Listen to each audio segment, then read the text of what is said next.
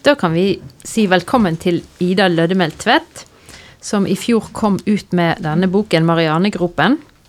Essay. Eh, og vi har Denne podkasten heter jo 'Det store i det små'. Og temaene våre springer rundt i forskjellige motiv. Litterære dyr har vi hatt, og farger og det ene med det andre. Så tenkte vi om vi skulle pønske på hvordan vi kunne få deg inn på ett av temaene. Og så fant vi ut at egentlig passet du på nesten alle. Selvfølgelig passer du på havet, som, siden boken din heter 'Marianegropen', og det er verdens største havdyp. Du skriver mye om dyr og insekter, du skriver om reiser og ja Egentlig veldig mye ulikt eh, som, som vi er interessert i. Men eh, nå har vi deg her i full størrelse, så da kan vi bare se hvor vi havner hen. Du hører på den litterære podkasten 'Det store i det små'. Og vi er Kjersti Sandvik, journalist og forfatter. Og Grete Fatima Sayed, litteraturviter, forfatter og oversetter. Vi har fått støtte fra Litteraturhuset i Bergen, Bergen kommune. Kulturrådet og Fritt Ord. Har du først lyst til å si litt om eh, hvorfor heter boken din 'Marianegropen'? Det vil jeg gjerne. Takk for at jeg fikk komme. Em, det er artig at du sier det, at du begynner med, med havtematikk som en sånn potensiell måte å ramme inn denne samtalen, og så sier at, eh, at uh, boken passer inn under mange av temaene. For på en måte så er det det havtematikken gjør i boken min. Det jeg var opptatt av når jeg skrev den, var, og som jeg skriver mye om i åpningskapitlet, er, er forestillingen om den oseaniske følelsen, havfølelsen, sånn som eh, Freud brukte det annet negativt. Og som andre folk og Jeg bruker det på en litt spøkefull måte, da, men som handler om, eh, om en slags griskhet. I, eh, en slags intellektuell og emosjonell griskhet som eh, Som er sånn en lyst etter å kunne snakke om alt samtidig. Og det er det Det, det, det oseaniske følelsen, det begrepet har blitt brukt som en sånn Freud skriver om det som en sånn infantil følelse. Som, eh, det, det er noe som barnet som ikke ennå har lært å skille mellom seg sjøl og tingene av seg sjøl og andre mennesker, de føler en sånn althet, en sånn storhet, en sånn eh, jeg, jeg er alt, jeg, alt er i meg, og jeg er i alt, type følelse. Som òg mange vil mene er utgangspunkt for alle religiøse erfaringer, og sikkert mange litterære erfaringer. Så det gjør med havtemaet, Marianegropen, den dypeste stedet i havet, og jeg bruker det som til å til liksom til både forsvare den følelsen av at, eh, av at den griske griske følelsen og gjøre litt narr av den. Den ideen om dybde, den ideen om at man har tilgang på et eller annet som andre ikke har tilgang på. Så det er det spennet da mellom I narsissismens eh, spenn mellom noe positivt og kreativt og noe dølt og Men hvis du skal Dødt. ta det litt mer ned på det konkrete? Ja. så tenkte jeg eh, havet som en viktig Altså havnæringen er jo veldig viktig i Norge. Mm. Norge er jo bygd ikke opp på det som skjedde på land, men det vi jo har gjort på havet. Altså Norge er en havnasjon. Det er det jo. Ja. Jo, og jeg vet ikke hvor viktig det har vært for meg. altså det, Den, den liksom norsk politisk historie og sånne ting jeg spiller ikke særlig inn i boken, men selvfølgelig det som spiller inn, er en, en uh, følelse av at uh, å komme fra et havorientert sted. At man alltid har vært rettet mot fjorden, alltid rettet mot havet, med den uh, utfartstrangen og den koblingen til til eh, et slags globalt samfunn som det innebærer, som alltid er innebært i Bergen.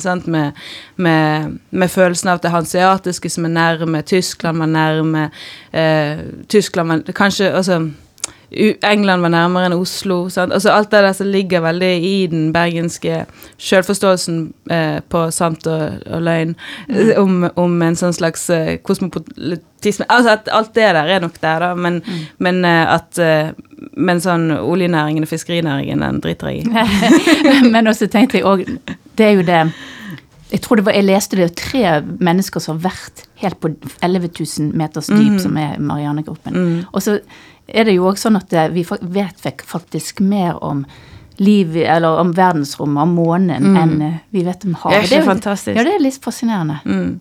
Og det, det, jeg skriver mye om blekkspruten i boken, som en sånn slags eh, som andre folk har sagt før, at det er det nærmeste vi kommer å møte en marsboer. Ja, det er visst veldig intelligent. Ekstremt intelligent. um, og, på, men, og det er ikke bare det at han er intelligent, sånn som mange pattedyr er intelligente, men han er intelligent på en helt annen måte. Han har en helt annen form for subjektivitet, en helt annen form for vil, må man anta, da, siden den annet har eh, mange hjerner, en hjerne i hver tentakkel, og at den ikke har Og at den kan og at den på en måte er som vann, sånn at den kan gå gjennom en sluk. Så hva er, hva, hva er følelse av et selv hvis du hvis det, selve ikke har skjelett og kan skvises inn i alle former. Så, så, så, så det, det, bruker jeg mye som en sånn metafor da, for å møte en annen måte å være på. En annen metafor som du bruker som eh, har med det maritime å gjøre, det er jo trålmetaforen. Mm.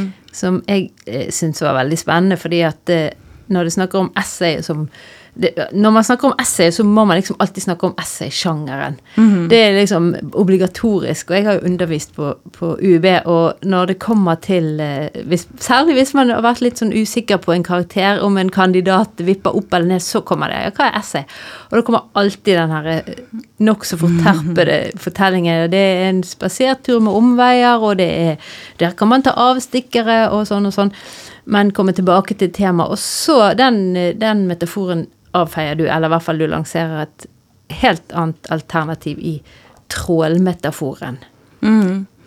Jeg tror for meg er det et bilde som, um, som gjør uh, Som dekker et større Ta et større nedslagsfelt i essaysjangeren, som er den sjangeren som jeg elsker og dyrker, og som, ikke, som jeg ikke føler har et veldig godt Kanskje særlig i Norge fordi vi ikke har noen sterk essay-tradisjon, vil jeg mene, eller ut fra det akademiske essay og det, det litteraturvitenskapelige essay og sånn. Så for innenfor de sjangrene så funker det. Sant? Du har den der turgreien som jeg husker jeg lærte om på skolen. Jeg husker veldig godt den tentamen hvor jeg satt med liksom, og liksom tenkte sti, digresjoner, tur osv. tilbake til poenget og, og argumentasjonen. Så, det, så den, den stimetaforen er veldig basert på ideen om at du har et argument så du kan vike fra å komme tilbake til. Men mye av denne estistikken jeg er glad i, er ikke strukturert rundt argumenter. De er mye mer um, litterære Og det er på en måte det jeg prøver å gjøre med strukturen på boken min òg. At det, ikke, det er ikke et tema som gjør det til en helhet. Det er formeksperimentet og det måten det utvikler seg og, og, henter seg inn igjen og beveger seg, som, som strukturerer boken. Så der syns jeg trålmetaforen funker bedre, hvis du skal snakke om det litterære essayet på en måte som kanskje kan, kan tjene sjangeren bedre da enn stimetaforen gjør. Og da da snakker jeg om tråling. Jeg vet ikke hvor bra det er som metafor, men det var nå et innfall da når jeg skrev at, at, at, um, at det jeg opplever at jeg gjør når jeg føler at jeg stiger esistisk sett i hodet, er mer at du liksom tråler din egen eh, En slags kulturell og individuell ubevissthet og, en, og et, bare en sånn kulturelt eh, en, en, en, et, en en bunn i noe. Og, du, og, så kommer du på en måte opp på land med en haug med skrap i garnet, og så må du liksom sortere gjennom det og se hva du har, da, og prøve å lage form av det.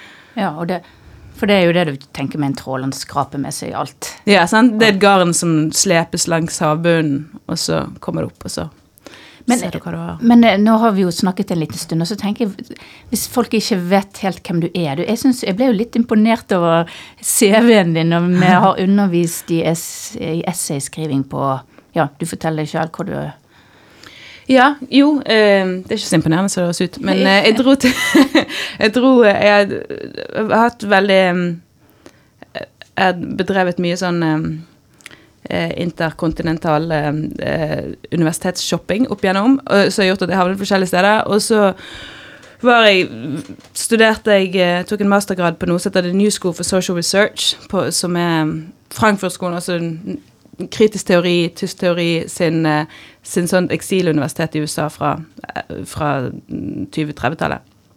Som har vært blitt liksom, det røde universitetet i USA. Der var jeg noen år, og så, og så fikk jeg ved å være der så fikk jeg veldig sansen for en annen måte å være i akademia på enn, en det jeg hadde visst om fra før, som var mer, eh, mer rom for, eh, for eh, det subjektive, det, liksom det villere, den villere seistikken, den mer eh, eh, respektløse omgangen med tradisjoner og sånt. Så fordi at jeg ble, fikk dilla på det, da, så søkte jeg meg inn på en, en, annen, en skriveskole. I USA så har de noe som tilsvarer litt våre skriveutdanninger, som heter MFAs, som Master of Fine Arts, hvor man eh, studerer noen år mer som praktisk skriving. Og der tok jeg da et, et fag på Colombia i, i um, Creative Nonfiction, som det heter. Og, og um, mens jeg var der, så fikk jeg en jobb på um, bachelorstudiet i skriving. Og så underviste jeg i noen år et, et, et fag som jeg, jeg lagde det litt, omgjorde litt på det hvert semester, men det var alltid eh, samtidsestatistikk på en eller annen måte. Og det var veldig kjekt, for da fikk jeg sette sammen mine egne pensum og bruke de til å tenke gjennom mine egne greier. Og så hadde jeg eh, ekstremt gode studenter som som uh, var mye flinkere studenter enn jeg noen gang har vært eller har møtt i mine studier. Så, det var utrolig gøy. Men, men, da har du et ganske godt blikk utenfra da, på å se på dette her eh, norske Altså, vi er jo selvfølgelig alltid mest interessert i oss sjøl, men eh, den kontrasten er er det noen sånn Tenker du at det er noe vi burde lære av de stedene du har vært, og de erfaringene du har gjort deg? Jeg, jeg tror det er noen sånne litteraturpolitiske ting helt konkret som, som, som med fordel kan skje her. Som har med med hvor man kan få en litt romsligere sjangerforståelse eh, i møte med det som vi av en eller annen grunn kaller sakprosa. Bare det ordet er jo, er jo vanvittig sånn innsnevrende. For jeg føler ikke at det jeg driver med, er sakprosa. Jeg driver med altså, litterær lekeprosa på et eller annet vis. Ganske usaklig, egentlig. Så, så, så å være å skulle passe inn under, under det, det, Hvilke interesseorganisasjoner har jeg sist? Ikke Jo, den må gå til, til, de som støtter sagprosa og faglitteratur, så, og deres oppgave er jo å løfte faglitteraturen. Så, så man faller mellom to stoler, og det, og det, det gjør at uh, jeg tror ikke vilkårene for essaystikk er særlig gode. Da. Anmeldere vet ikke hva de skal gjøre med det. Alle går, går seg vill i en eller annen sånn virkelighets- og etikkdebatt fordi de ikke vet hva annet de skal gjøre på. Og det, veldig, sånn, det blir veldig greie når man ikke vet ikke hva man skal si, så sier man etikk. Og, um, og det syns jeg er veldig kjedelig, så jeg tror mye kan skje der. Så istedenfor Jeg tenker, sånn som nå var det jo denne underskriftskampanjen med at, uh, at sakprosaen bør få samme vilkår som skjønnlitteraturen og sånne ting. Og jeg tror, jeg tenker at det er litt feil sted å begynne, for skjønnlitteraturen har så gode kår her. Det, det, vi heller trenger å gjøre, er å jobbe med, med, med hvordan vi snakker om ting som ikke er romaner og dikter. Jeg syns du fortsatt det er, henger litt i at det, den ekte litteraturen, det er den skjønne litteraturen. Altså eh, at de som skriver essay og sakprosa, da, eller hva du vil kalle det, gjør det fordi de ikke får til å skrive romaner. Det første du sa, i hvert fall. Kanskje ikke det andre. For jeg tenker at det ofte er andre folk som skriver eh, essay og, og sakprosa. Men at skjønnlitteraturen er den egentlige litteraturen. Det, sånn tror jeg, og jeg vet ikke om jeg syns at det gjør noe. Altså, Romanen er jo på en måte kongen. Diktet er jo på en måte kongen. Jeg syns det er greit. Jeg syns at essayistikken kler å være en annenrangsborger av litteraturen. Så det er ikke det. det er, for, det er nettopp det jeg mener med, med denne underskriftskampanjen. Jeg vet ikke om poenget bør være å løfte statusen. Jeg vet ikke om det er spørsmål om status. Jeg tror det er spørsmål om eh, hvor rik forståelse man kan, Hvor sjenerøs man kan være i møte med den mer eksperimentelle sakprosaen, som vi kaller det. Vi trenger et eller annet tilsvarende begrep som, som non-fiction, selv om non-fiction ikke er så bra, det heller, men, men det beskriver nå i hvert fall et eller annet det er bredere. Du har en, en, et essay i denne boken din som heter 'Tre dialoger', der du kritiserer litt den litterære samtalen, eller tenker at den ikke er så givende. Ja, altså, det er jo eh, opptakten til tre litterære samtaler. Ja, så, ja, ja. så det jo, jeg gjør jo det likevel, så jeg er jo ikke imot men, det. Men hvordan, hva, hvordan vil den gode Nå har vi jo en litterær samtale her, på en måte, men hva er kjennetegnet denne sånn som du tenker? Jeg tror um, den kan være så mangt. Jeg har prøvd å intervjue uh, folk tusen ganger, og jeg har ikke klekket koden ennå. Jeg syns veldig ofte det er en uh, utilfredsstillende sjanger. Uansett hvor sjenerøst man innstiller seg, og hvor godt man leser, og hvor godt man Det er en vanskelig sjanger, for jeg tror uh, vi forventer veldig mye av den. Og det er blitt, og det, man, mange av vanene går til den litterære samtalen på jakt etter en eller annen nøkkel inn i litteraturen som ikke fins. Og sant, Folk folk går på litteraturarrangementer og spør, spør forfatteren liksom, hva er din prosess, hvordan skriver du, og så alltid med det håpet om at de skal få et svar som skal gjøre at de kan skrive de like godt. Altså, sånn, det er et eller annet sånn uforløst veldig ofte med en litterær samtale. Det tror jeg at det blir en, liksom en, en, en, eh, en eh, utilstrekkelighet som følger med sjangeren på godt og vondt. Altså det uforløste er jo ikke galt i seg sjøl.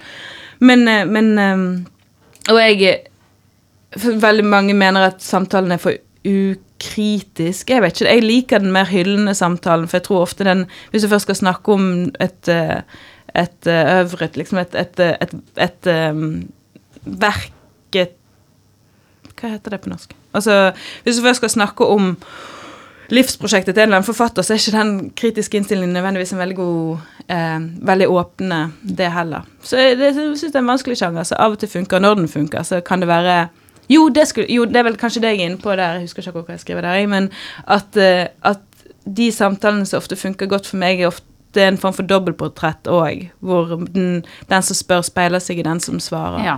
Man vil vise hvor flink man er, kanskje, og Nei, men det gjør vi jo alltid, tenker jeg. Det er bare at det er ikke helt alltid stuereint å snakke om det, og det er jo det vi holder på med. Og ikke bare når vi leser en roman eller hva vi leser, men òg når vi skriver, tenker jeg. Og når vi Altså, det, alle tekster er selvportrett. Men vi skal ikke på en måte helt innrømme det, for da er vi litt sånn egosentriske og sånn. Men, men eh, da, det passer jo veldig godt å smette inn, da, siden du sier du liker den hyllende samtalen, at eh, jeg tror egentlig ikke vi sa helt eh, tydelig hvor bra vi syns denne boken er. Og hvor original den er, og hvor um, eh, Imponerende, jeg må jo, jo, og unorsk syns jeg jo òg, uten at jeg helt kan sette fingeren på, på hva det er som gjør at den er unorsk. Men det som um, uh, Eller noe av det som vi tenkte på når vi lurte på hvor vi skulle plassere deg inn i denne temarekken vår, det var jo institusjoner, som vi òg har vært opptatt av. Vi er jo litt sånn Ja. Eh, og da når jeg spurte deg på chat, ja, for først hadde vi tenkt å snakke om havet, ja, det er jo gøy og sånn og sånn, men hva med hotell? Så svarte du med en ganske høy temperatur. Ja, det syns du var Mye gøyere og kulere eller mer originalt. Så da vil jeg gjerne høre, for jeg har òg en greie på hoteller, nemlig. Hva er det med den typen institusjon som hotellene Ja, Nå er jeg nysgjerrig på hva din greie med hotellet Ja. er. Jeg- For meg er det liksom det, det er lykke å være alene på hotell. Og det, det har vel noe med med anonymitet å gjøre, som for så vidt igjen er linket til min måte å bruke havtematikken i boken. At den begjæret etter en sånn um, oppløsning av identitet og anonymitet og det å som er vel også det litteraturen tilbyr, en sånn at, at du kan leve andre folk sine liv. Og hotelltilstanden er for meg liksom det ypperste av det konkrete, av de konkrete versjonene. Det, det er et hvilket som helst eh, tacky, elendig flyplasshotell gjør meg helt uh, i lykkerus. Så jeg kunne, gå, jeg kunne bo på hotell alltid. Og, og eh, det er ikke sant i det hele tatt. Men, men eh, Så det er, ikke, hadde- det er ikke luksusaspektet, altså? På ingen måte. Nei. Nei. For du er jo Det er gøy, det òg, men uh, Ja. det er ikke det. Det, det, er, det er kulden i det. Og um, Altså den følelsesmessige kulden? ja, den anonyme. følelsesmessige kulden, den liksom Den filosofiske kulden, på en måte, i å være strippet av både liksom ditt eget hjem og andre sine hjem, og, og at du lever i et eller annet rom så du ikke har oversikt over forhistorien til, hvor du vet at alle mulige folk har hatt alle mulige hendelser skje i, og så er man der, og så er man aleine, og så er det som regel ganske stygt. Til og med luksushoteller er som regel veldig stygge. Yeah. Hoteller er liksom litt av naturstygge.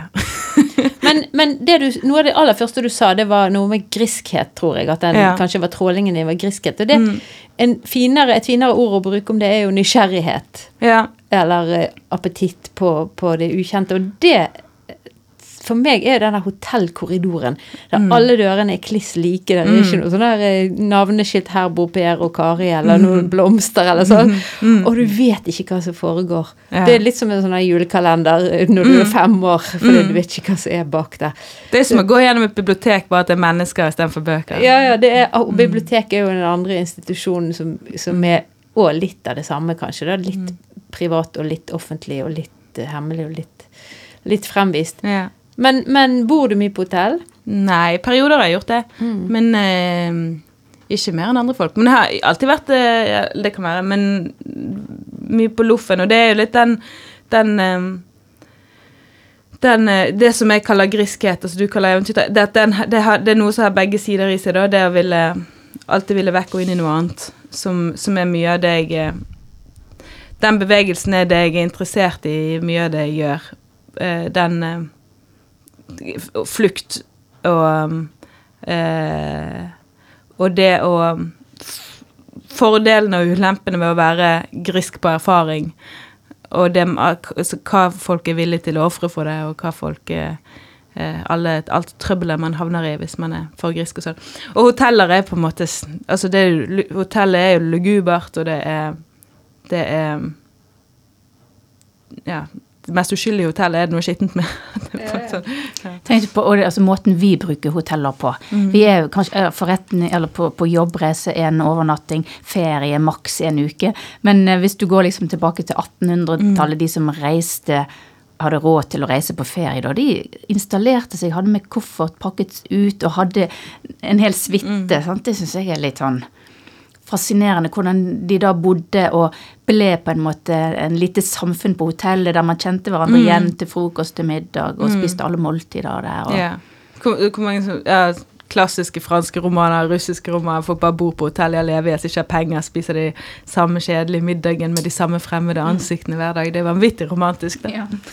Ja, så har det liksom Det har ytterpunktene, tenker jeg, mellom det rigide og strukturerte og ordentlige. sant? Det har rangordningen i resepsjonen og, og de ansatte og uniform og, og det. Og så har du det der løsning på det, og du vet ikke, det er noe, det er noe sex oser alltid under overflaten, og, og forfall, luksus og forfall liksom i en herlig blanding. Ja, og, det, og, liksom, og luksusens vanvittige harryhet. Altså, sånn, jo mer Jeg skrev, noen, eh, jeg skrev en serie for, en, for Dag og Tid i, i, for et år siden nå snart, der jeg dro til luksushotellet i Moskva på jakt etter Målet var å komme meg inn på hotellrommet der Trump angivelig skulle ha betalt russiske prostituerte for å tisse på en seng som Barack Obama og Michelle Obama skulle ha ligget i. Av en eller annen grunn for å liksom vanære de Logikken i det forsto jeg aldri. Men jeg kom inn på det rommet til slutt. da. Men, men, men, men, men eh, det, det de essayene handler om, er på en måte om eh, om det underlige i at liksom på toppen av verden så har du disse her Jo lenger opp du kommer, så får du mer av denne, denne luksusestetikken som alltid på en eller annen måte har i seg ekko av Romerriket og Hellas, men på den liksom mest sånn tacky, glorete måten tenkelig.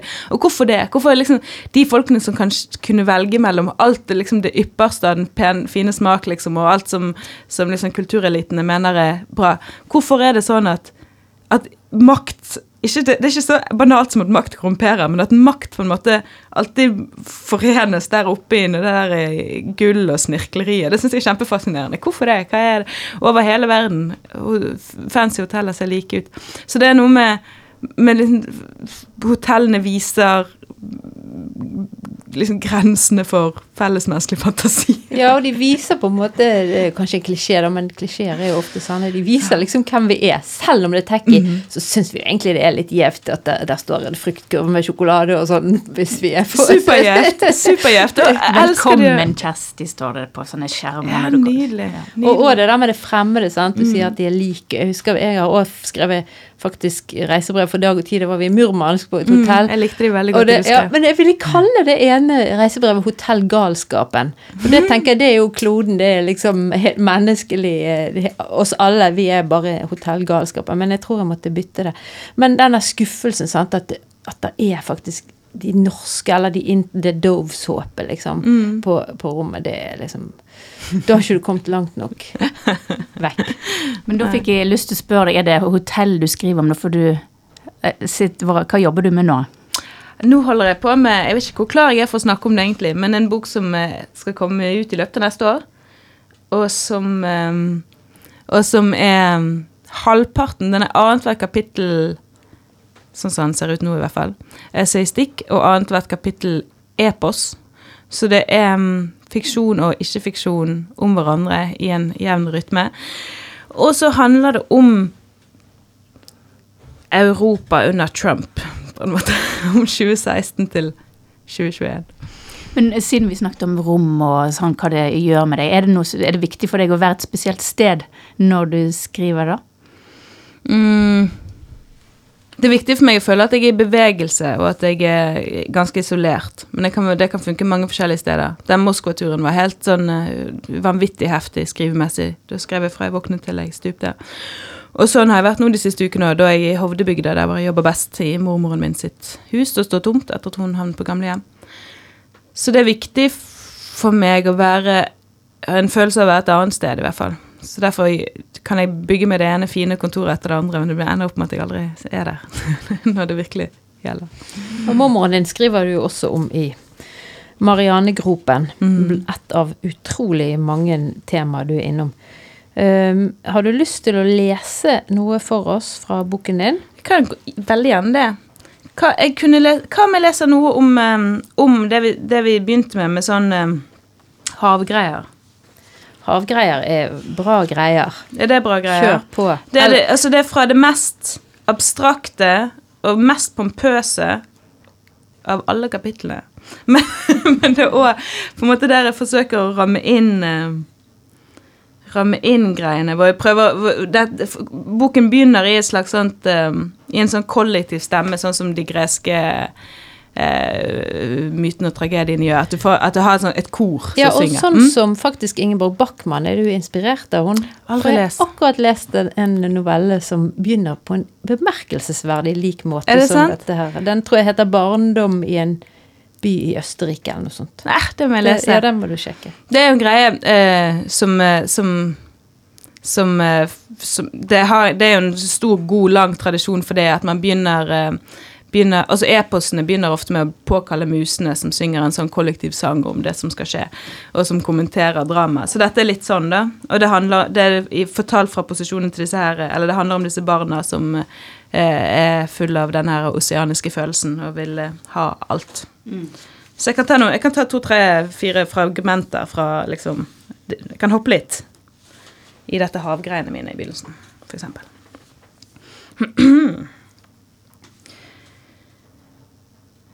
Vi fantaserte om havdyp og avgrunner, dagdrømte om brønner, juv, kløfter i bakken som åpnet seg mot verdensrommet.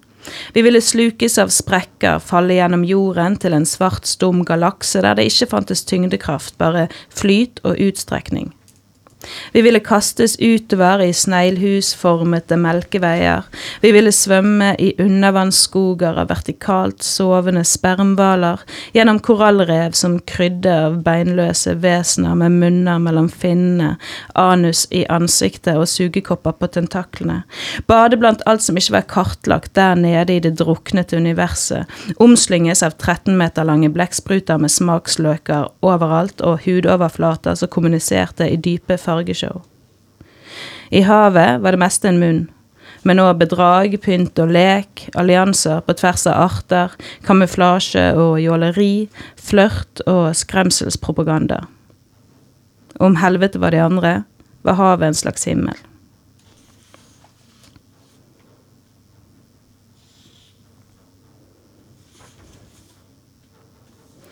Nå tråler vi livshistoriene våre etter mening. Vi seiler gjennom voksenheten med et massivt garn på slep, overfisker minne, nautisk mil etter nautisk mil, utraderer sedimentet mens det ubevisstes uvisse flo og fjære som en uregelmessig menstruasjonssyklus skalter og valter med både humøret og midjemålet. Og når vi står på kaien og stirrer ned i fjorden idet en makrellstim velter fram fra våtmørket, idet stimen bryter skorpen og spretter spastisk i overflaten i et kollektivt epileptisk anfall, mens vi i sine syne ser en skrikende måke snappe til seg et sprellende vesen, som spagetti, da er det umulig å se forskjell på havet der nede og begjæret her inne. Desillusjonerte med livet på land vender vi oss mot en parallellverden der alt flyter og vi er ikke aleine. I løpet av noen eksepsjonelt deliriske politiske år fylles bokhandlene med bøker om blekkspruter og hvaler og om sjøfartsårer som alternativt veikart over verden. I romanene er havet speil, opphav og frelse, av og til en trussel om syndeflod. I USA og Europa binger man The Blue Planet, som om det motsatte av demokrati ikke er tyranni, men havet. Fra formørkningene skulle vi sende reisebrev hjem, fra de dypeste, dummeste kløftene i havet, fra Challenger-dypet i Marianegropen og andre urdiskotek bebodd av selvlysende gigantamøber. Vi skulle rapportere fra grumsete innsøk i, Atlanterhavsryggen, utilgjengelig for kamera og ekkolodd, hvor hvaler og ål, det store og det sleipe, møtes for å yngle utenfor menneskenes radar. Dette ble kanskje ambisjonen. En dag å bli et blanksvart nøste av ynglende ål i Sargassohavet. Å implodere inn i dette forbannede, velsignede tomrommet som ikke visste hvordan det ville fylles, men som skulle fortsette å svulme og dure som en motor i magen, og være et konstant kremt til det sanne, det gode og det skjønne.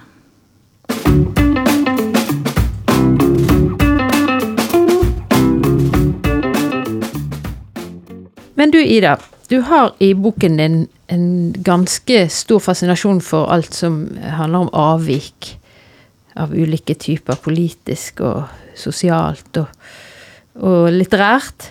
Og så syns jeg òg at det er en ganske mye sånn litt eh, religiøse innslag. Du snakker om profeter, det å være profetisk og dette astrale og litt sånn hva, hva er forbindelsen mellom de, tenker du? Hvorfor, hvorfor er du fascinert av de?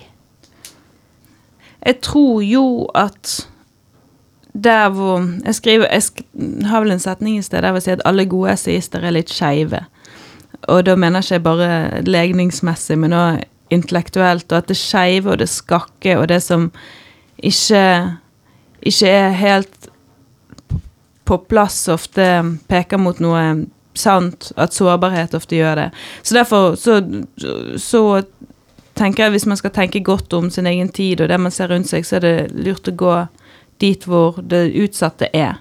Så derfor så Jeg tror det har noe med det å gjøre, uten at jeg kanskje tenkte så veldig på det mens jeg holdt skrevet, men at det er det som gjør at jeg Og det kan vel alle kjenne seg igjen i, at, at liksom, jeg har et kapittel om årene der jeg jobbet med autistiske ungdommer, for, for eksempel, at, og at det å være med de var en, noe som kunne minne om en slags religiøs erfaring i deres epileptiske anfall og drama og skjønnhet. At, at, det var en sånn mystisisme der som gjorde at jeg følte at jeg kom nærmere noe sant. Og det er jo det er jo en, er jo en følelse og en, et, en trope, på en måte, som, som litteraturhistorien er full av, og da dermed må på en måte religionshistorien og Bibelen. Hva, altså, hva, hva er nå det om ikke annet, annet enn en Altså, hva er det Jesus driver med der han går rundt og vasker føttene til horer og Ja, ja, også og, de der gale, gale, som er profeter, er jo de Og de gale som er profeter. Og det har jeg vært veldig interessert i på en litt sånn skeptisk måte, kanskje. For jeg har vært opptatt av, og det er kanskje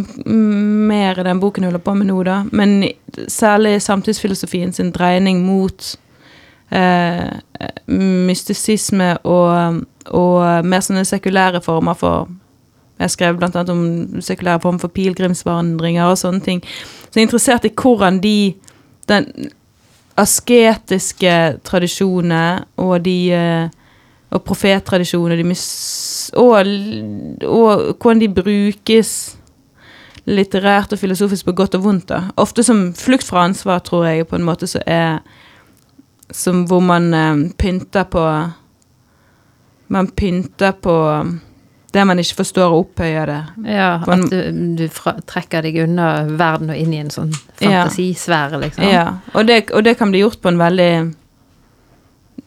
voldelig og uansvarlig og um, Altså ikke voldelig, sånn fysisk voldelig, men en veldig Det er en voldsom makt i det som jeg er veldig skeptisk til òg. Og, og som, det er en tradisjon som er veldig basert på forestillinger om seksuell forskjell, sant? rene kategorier, eh, og, og, som så det, så det, er en del av en sånn reaksjonær strømning, tror jeg, da, mm. i, i samtidsfilosofien. Hvor man prøver å slå tilbake mot eh, det man ser på som, eh, som moralisme og identitetspolitikk og alt sånt som man kaller sånne Ja, ting. og alt det der med det- hvordan er litteraturen politisk og sånn, det, for, det kan vi ikke snakke om nå. Det blir rett og slett for vanskelig. Hvis ikke du har et kort og greit svar. Nei. Hvordan er egentlig litt Nei, da tar- ikke det. Drit i politikken. Drit i det, sier du. Ja, men det er jo litt ansvarsfraskrivelse, da. Ja, men jeg er ikke ansvarlig for noe. Jeg har bare skrevet en bok. Du har bare skrevet en bok. Mm. Du har skrevet en bok som når jeg leste liksom de første 25 sidene, så tenkte jeg jeg, jeg, jeg aner ikke hva for en reise dette er, men jeg vet at jeg vil være med på den. Så det passer kanskje å spørre om du kan eh, utkrystallisere ett forbilde hvis du måtte, hvis du hadde kniven på strupen og noen sa nå må du si Gud, et litterært forbilde? Ja. Um, oi, det er vanskelig. Kanskje den boken der ble kanskje skrevet i en eller annen sånn uh, det var, Jeg leste ekstremt mye George Orwell sin essaystikk og Ann Carson sin lyrikk og essayistikk. Det var to, da, men ok. Så det er to. Ja, men jeg, jeg, jeg, jeg Alle gode essayister er skeive, så jeg må være, jeg må være en, ja, så står jo de to ganske bra sammen. Da, Ja, pluss at de er helt motsatt. Ja, men Ann Carsten er jo på alles lepper for tiden, mens Ja. George Orwell er jo parkert i litteraturhistorien Ja. litt i en sånn sidedal. Jeg fatter ikke det. Han er en, eh, altså, som jeg sier, som romanforfatter syns jeg han er helt uinteressant. Utrolig eh, altså, eh, Programmatisk. programmatisk og flat, på en måte. Men jeg syns stikken er rik og farlig og svimlende. ja. Så akkurat altså det kom jeg på, men også har uh, Grill Marcus, som jeg intervjuer i boken, vært veldig viktig for meg som eh, på, på mange måter. Hans måte å skrive si stikk på, som han holdt på med. Men da er det tre. Nå må jeg ikke få slippe Ja, kan- jeg Jo, nei, nå, nå er det nok. Ja, Men okay. bare et oppfølgingsspørsmål På på Orwell. Orwell. Ja. Fordi vi, det er jo noe det vi òg gjør her. Vi prøver å ikke bare nevne de mest eh, hotteste, mest obvious Mm. navnene. Men når du da finner frem til et navn som ikke er på alles lepper, hvordan har du noen metode? Da bare liksom leser du løst og fast, eller noterer du deg hva andre har vist til, og så plutselig ser du ja, Orwell, han må jeg snuse på, eller hvordan går du frem for å, for å finne det som er litt utenfor allfarvei, da? Jeg er en ganske god eh, sånn Jeg er ganske god på bare liksom dyttes og dette rundt i litteraturverdenen. Jeg leser ganske fort og ganske mye, og ganske nå for tiden eh, veldig bare bare klassikere. Så jeg tror Jeg vet ikke. Jeg føler akkurat det er Kanskje hvis jeg har eh, en styrke, så tror jeg det at jeg faller Jeg blir lett dyttet rundt uten at jeg helt vet hva som foregår. Og at jeg det er ikke så veldig mye taktikkeri eller så veldig bevisst hvor en jeg Det er havner. tråling av bibliotekene, og så Ja, ligger det noen ja, gull. Tråling av eh, Jeg, leier ikke på biblioteket, jeg bestiller på nettet. Ja ja, men det var en metafor. Nei, jeg vet ikke. Men alt er jo selvfølgelig de jeg finner, alt er jo, det, alt er jo påvirkning fra steder. De studiesammenhengene mine har vel hatt ekstremt mye å si, vil jeg tro. Du har nå hørt en episode av den litterære podkasten Det store i det små. Og hvis du likte det du hørte, så følg oss gjerne på Facebook og Instagram.